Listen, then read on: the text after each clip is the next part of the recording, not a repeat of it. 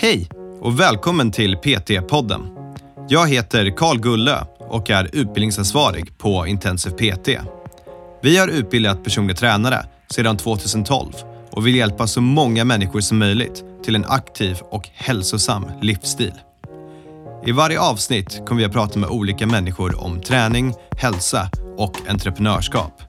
Varje samtal har ett unikt ämne och vårt mål är att inspirera dig till att vilja förstå mer om hur det är att arbeta som personlig tränare eller att hjälpa dig framåt i din karriär som PT.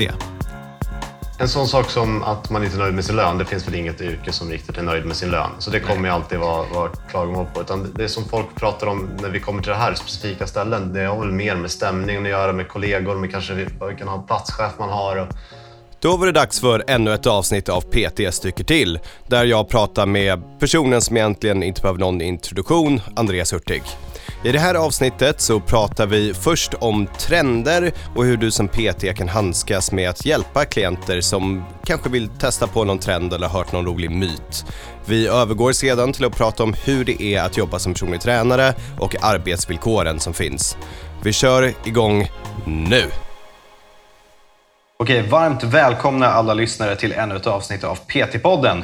Jag, Karl Gullö, sitter här tillsammans med Andreas Hurtig. Mycket fint. Och nu ska vi köra ännu ett avsnitt av PT stycker till. Det här är alltså när vi ganska oförberett sitter och pratar om folk som gör oss oftast irriterade eller sura på något sätt. Och idag tänker jag börja avsnittet med en fråga till dig Andreas. För att du var ju faktiskt personlig tränare på 50-talet när vi inte hade smartphones eller telefoner och Instagram var inte en grej. Och det jag har börjat tröttna på rejält, det är dels alla trender. När folk kommer och säger jag har sett det här på Instagram. Jag har sett någon göra så här eller jag vill göra som den här personen. För att det är så in your face så att det inte är sant. Och jag som PT har ju ofta en plan, någon vision om vart jag och min kund ska gå. Jag har lagt upp någonting. Det bygger på uh, liksom foundations av vad vi vet om träning och hur det ska funka. Och Sen så vill de släppa det för att de har sett på Instagram att den nya trenden är booty bands. Det är the shit. Och Då får man ju vara en duktig PT och inte bara skita i dem utan prata med dem. Men man själv blir irriterad. Så det jag undrar för dig som har gjort det här så pass länge innan Instagram och sociala medier var en grej. Hur skilde det sig förut jämfört med nu? Ja, alltså det var inte så att vi inte hade de här förut heller. Men källorna var väl kanske lite färre. Ehm, jag skulle säga att det är samma myter om och om igen i nya förpackningar. Ehm, och på den tiden så, så var det väl en källa mer eller mindre och det var ju antingen de här hälsotidningarna eller typ Aftonbladet Hälsa. Och det som skilde lite grann då, det var väl kanske målgruppen för att nu skulle ju aldrig en, en person i, i 30-årsåldern läser inte Aftonbladet Hälsa och kommer med de här myterna. Men 100% är att de kollar på Facebook och Instagram mm. och ser dem. Medan eh, den här klienten som eh, som är 55-60 det är inte alls säkert att de har Instagram eller Facebook. Så att det, det, är lite, lite olika var eh, den här informationen kommer ifrån. Eh, och det gör att, faktiskt att det, att skiljer lite grann på hur materialet presenteras. För att, hur illa man än tycker om de här hälsotidningarna så är det fortfarande en redaktion bakom. Det är fortfarande någon som är med och tar fram materialet och ser till att det är någorlunda okej. Okay. Medan de här artiklarna och de virala spridningarna, det kan ju vara någons hemmasnickrade video där de sitter och presenterar en, en egen teori om träning så, som sanning. Ja, och så länge de har 100 000 följare, då kommer folk lyssna på det, tyvärr. Så ja. det är därför man, man, får mer konstiga myter nu. Förr i tiden, då, då tror jag det, det är det så här, då hade du din tidning, men där fanns det ändå något sorts filter kanske på vad som skulle komma upp eller inte. Det fanns någon kritik. Nu är det, lägger du upp någonting som verkar dumt, kanske du får 10 000 kommentarer. Men det är nästan bara en bra sak för dig. Det är nästan, nästan en fördel ju mer outrageous sak du, du hör ur dig. Så ju, ju, mer idiotiskt det är, så, då kommer du få de här foliehattarna som kommer hänga på det här bara för att det är anti-government eller det, det låter som att det här skulle inte Aftonbladet hälsa rekommendera. Men hur var det på din tid? Vad hade folk för konstiga grejer de kom med och vart fick de det ifrån? Det, alltså det, det här är ju fördelen med att förbereda podcast lite grann. Så kan man sitta och tänka, vilka myter finns det nu igen? Eh, men vi har ju... några klassiker som kommer. Och en sån här som jag kan komma ihåg som kommer typ av femte år, det här brunt fett. Brunt fett? Vet du vad brunt fett är för något? Nej, det är, jag gissar på brunt fett. Ja, det är en bra gissning. För det, det är faktiskt brunt eh, fett. Och eh, lite beroende på vilken källa som man tittar på så de som är lite mer pålästa de förstår att det här, det här är en så liten mängd brunt fett som en vuxen människa har. Så det är överhuvudtaget ingenting man ska bry sig om. Och de som inte förstår det här, då finns det två läger. De, de ena tycker att det är det bästa som finns. Det är superbra med massa brunt fett. Eller de som ser det som fett som fett som ska bort från kroppen. Och den, den här kommer lite då och då. Men sanningen med det här är ju så enkelt att det är, barn har lite mer brunt fett. Det är eh, nödvändigt för dem att, att ha det här. Det försvinner när vi blir vuxna. Det finns oftast lite grann kvar lokaliserat. Ibland kan det sitta runt omkring skuldblad och så. Men det är, det är ingenting mer med det. Så det är inte på något sätt nyheter och det har ingen större relevans för någonting. Men den har du hört tillräckligt många gånger för att den har fastnat med dig så här i 20 år? Ja, det, det, här är en sån som kommer. Den paketerar lite olika, men man 50 år så hör jag om brunt fett. Och här kan jag säga också, det, det är, många pratar om det här med eh, kryo. Vet du vad kryo är för någonting? Jag vet hälsoappen Kry. Nej, kryo. Inte Kry. Kryolipo och de här. Mm. handlar om att man ska frysa bort ja. fett. Ja. ja. Tror du det funkar?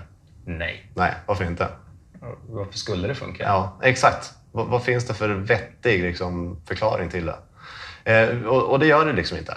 Det är, varför skulle du... Eh, och i så fall, om det funkade, hade det inte varit världens bästa då bara gå ut med lite kläder på, på vintern mm. och frysa och bränna massa fett?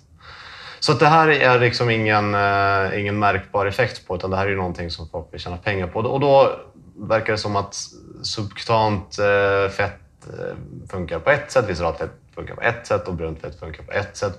Vissa är lite mer värme och kyla känsliga och andra inte. Men det är, det är fortfarande en sån myt som kommer upp. Ibland i samband med det här bruna fettet, ibland helt själv, det här frysa bort fettet. Men nu tror inte jag att någon som lyssnar på den här podcasten hade fått för sig att vi ska gå på kryobehandlingar och frysa bort fett. Men skulle du säga att idag så sprids information fortare med hjälp av sociala medier? Och att det, kanske, det, det kommer mer myter, det kommer mer nya saker, mer trender.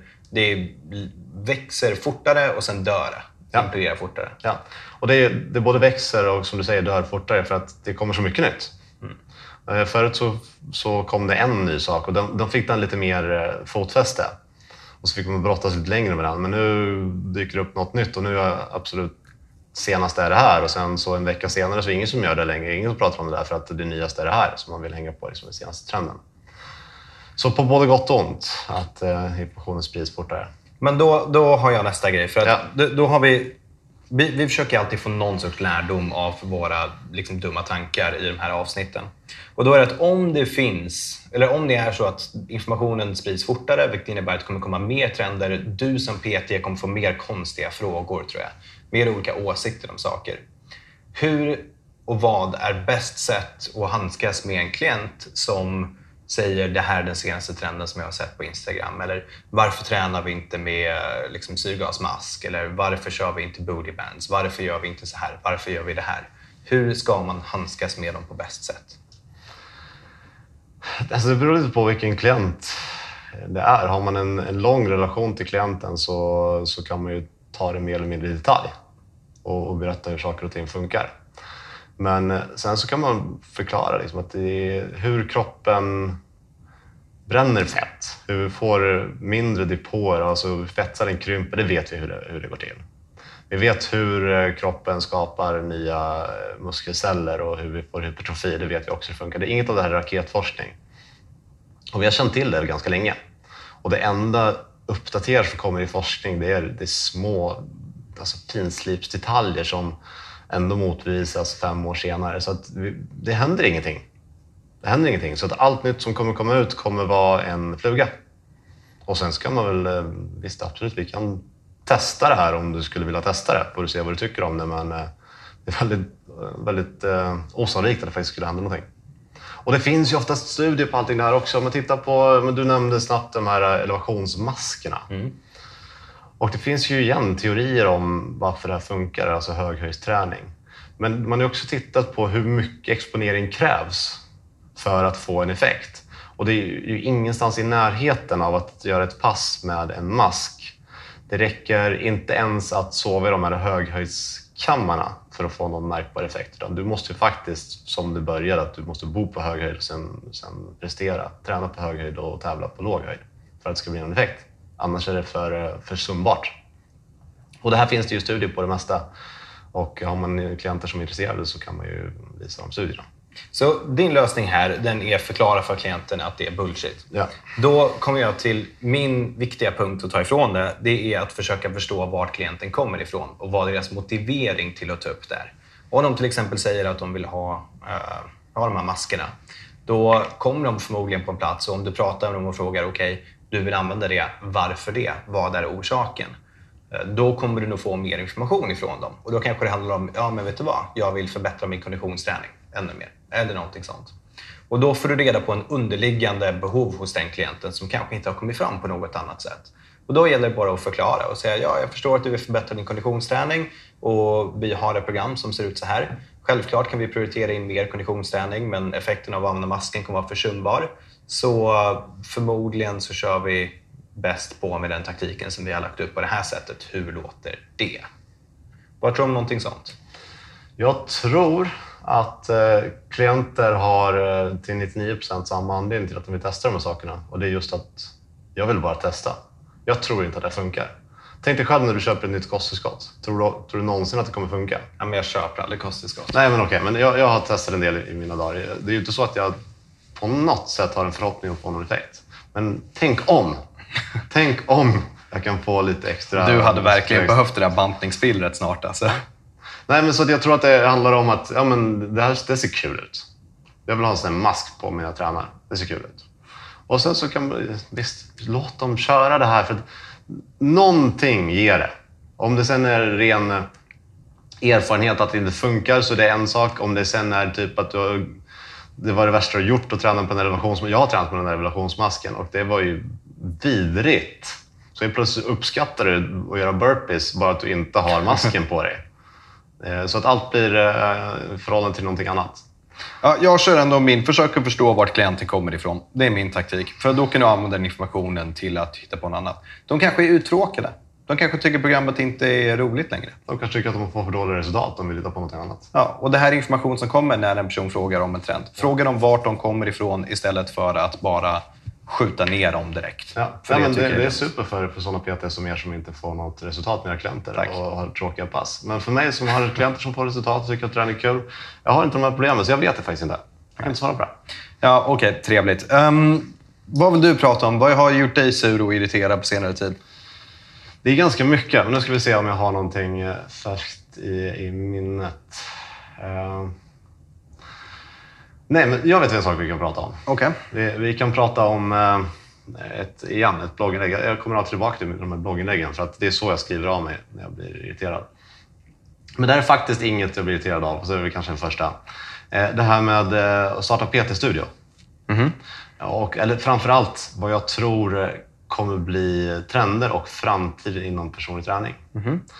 Och eh, teorin här, får vi se om du håller med, är att eh, just det här med små nischade PT-studios kommer bli större. Alltså, du, du, vet hur du tror att alla dina idéer kommer från dig själv för att du är ett geni. Ja. Det här har jag pratat om i två år. Sen kom, ja, du, för två, sen kom du för två månader sedan och sa “Jag har en idé”. Ja, fortsätt. Ja, precis. Men, men här har också med timing att göra. För, för två år sedan så är det fortfarande lika stort som det är nu. Så Carl, det var lite fel ute där. Nej, det betyder att jag var jävligt snabb early adapter. Men vad jag vill komma då, varför jag tror som jag tror här, att jag tror att vi kommer se en konsolidering i gymvärlden. Jag tror att det finns inte utrymme för de här gigantgymmen, eller i alla fall så många kedjor av gigantgym. Och det här ordet, USP, eller Unique Selling Point, som alla säger att men vi har den här tillgängligheten, vi har den här servicen och vi har eh, ett fantastiskt pris. Det är inte unique selling points. Det är exakt samma sak som alla andra tävlar om och konkurrerar om.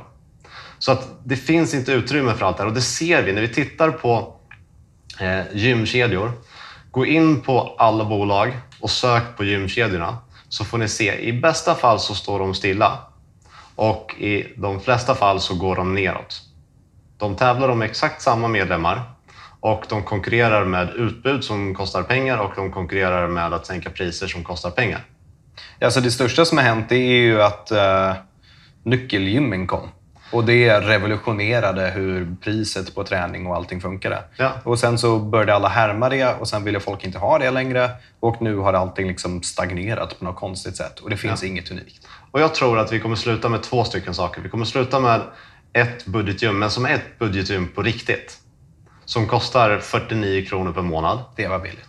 Och eh, allting är hyperautomatiserat. Du kan inte ens köpa medlemskapet på plats utan du, du går och fyller i eh, det här på nätet. Du får appen och nedladdning och QR-koden och allting du behöver för inloggning sen. Du kommer aldrig träffa ens personal på det här gymmet. Och vill du köpa någonting så kommer du igen använda din app för att köpa någonting i en vending machine och allting kommer vara hyper-streamlinat. Och eh, sen så på andra sidan myntet så kommer du ha de här som vill ha superlyxen. Och även här så är vi inte där än. Vi är inte där på budgetgymmen. De är fortfarande alldeles för dyra för, för den dåliga service de erbjuder och ingen streamline. Och de gymmen som vi säger är, är fina, då, men då kanske du har ett eget skåp där och får en nytvättad handduk varje gång. Det är fortfarande alltså inte lyx, inte på något sätt exklusivt. Utan vi pratar här att det ingår kanske personlig träning, det ingår att eh, det står en person och, och jag lagar smoothies precis som du vill ha den efter passet och det är verkligen high-end gym. Så jag tror att de två kommer finnas. Och utöver det här så kommer det finnas nischade saker.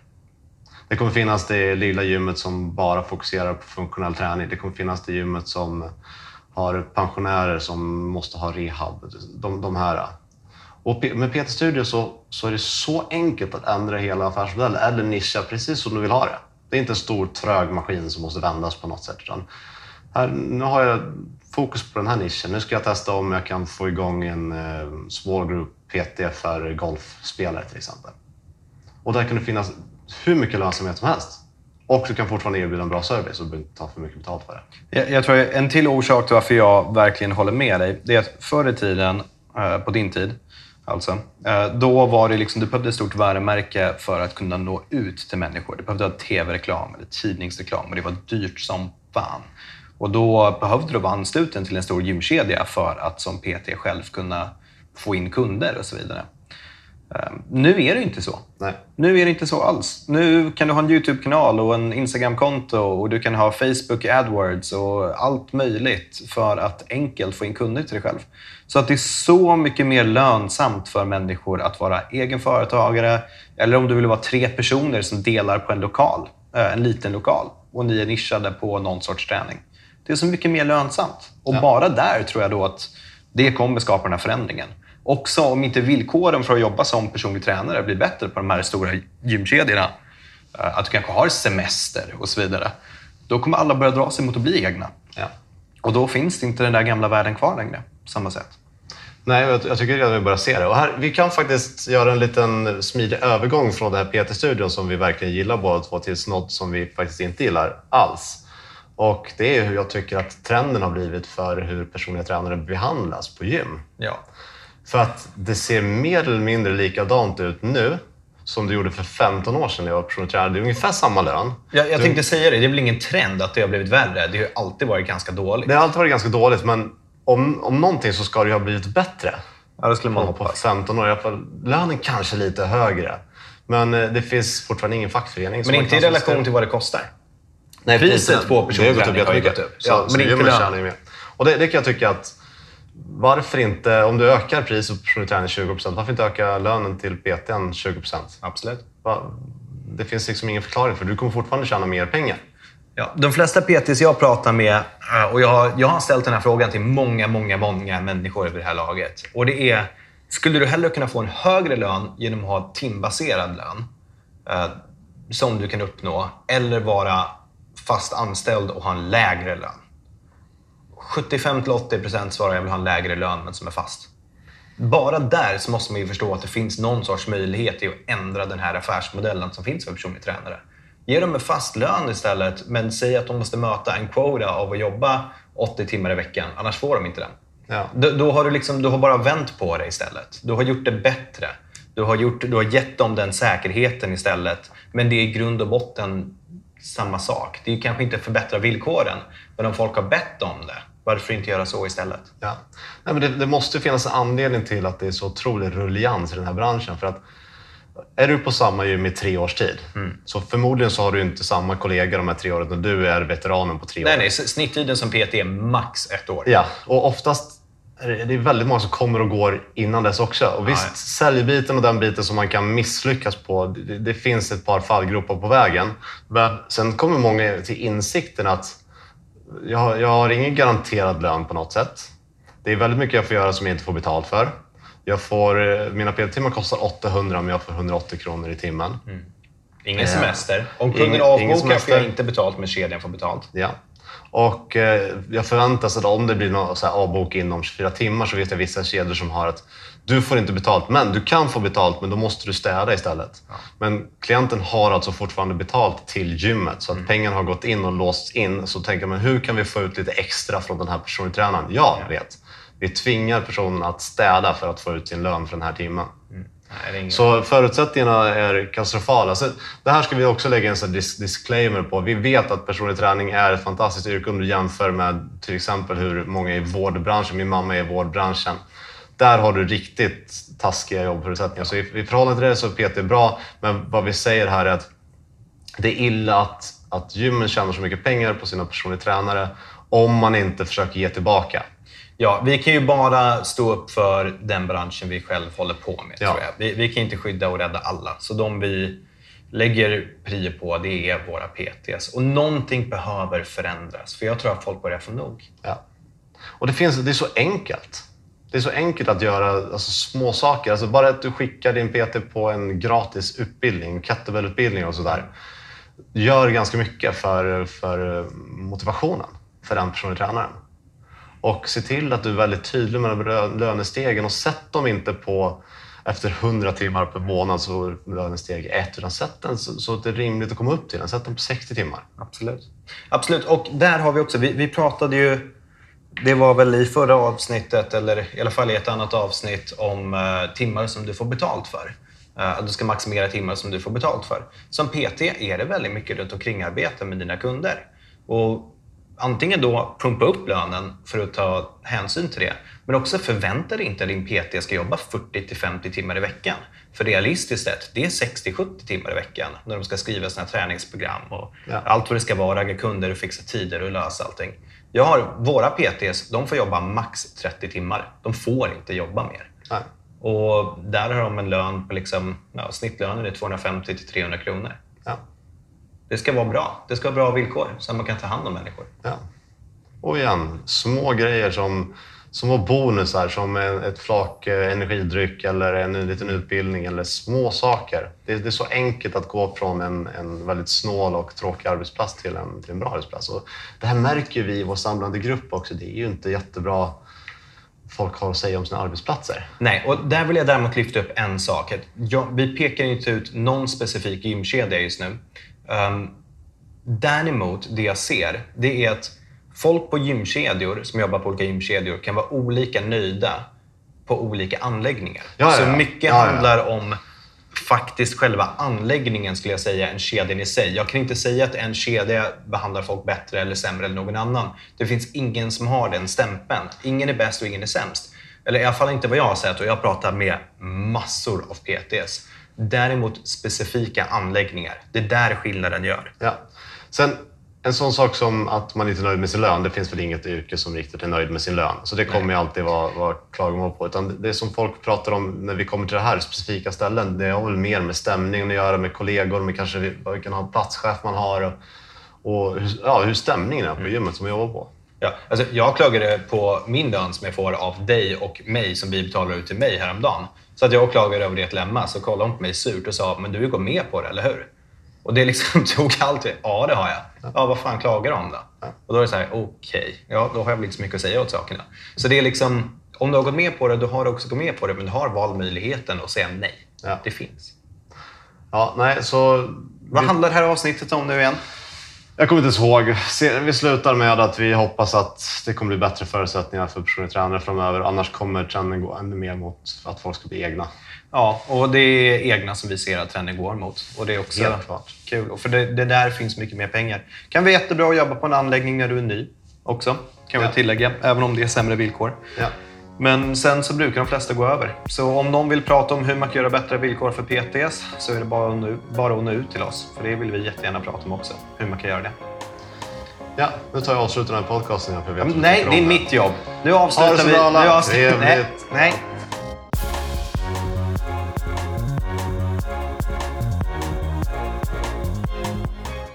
PT-podden är producerad av Intensiv PT.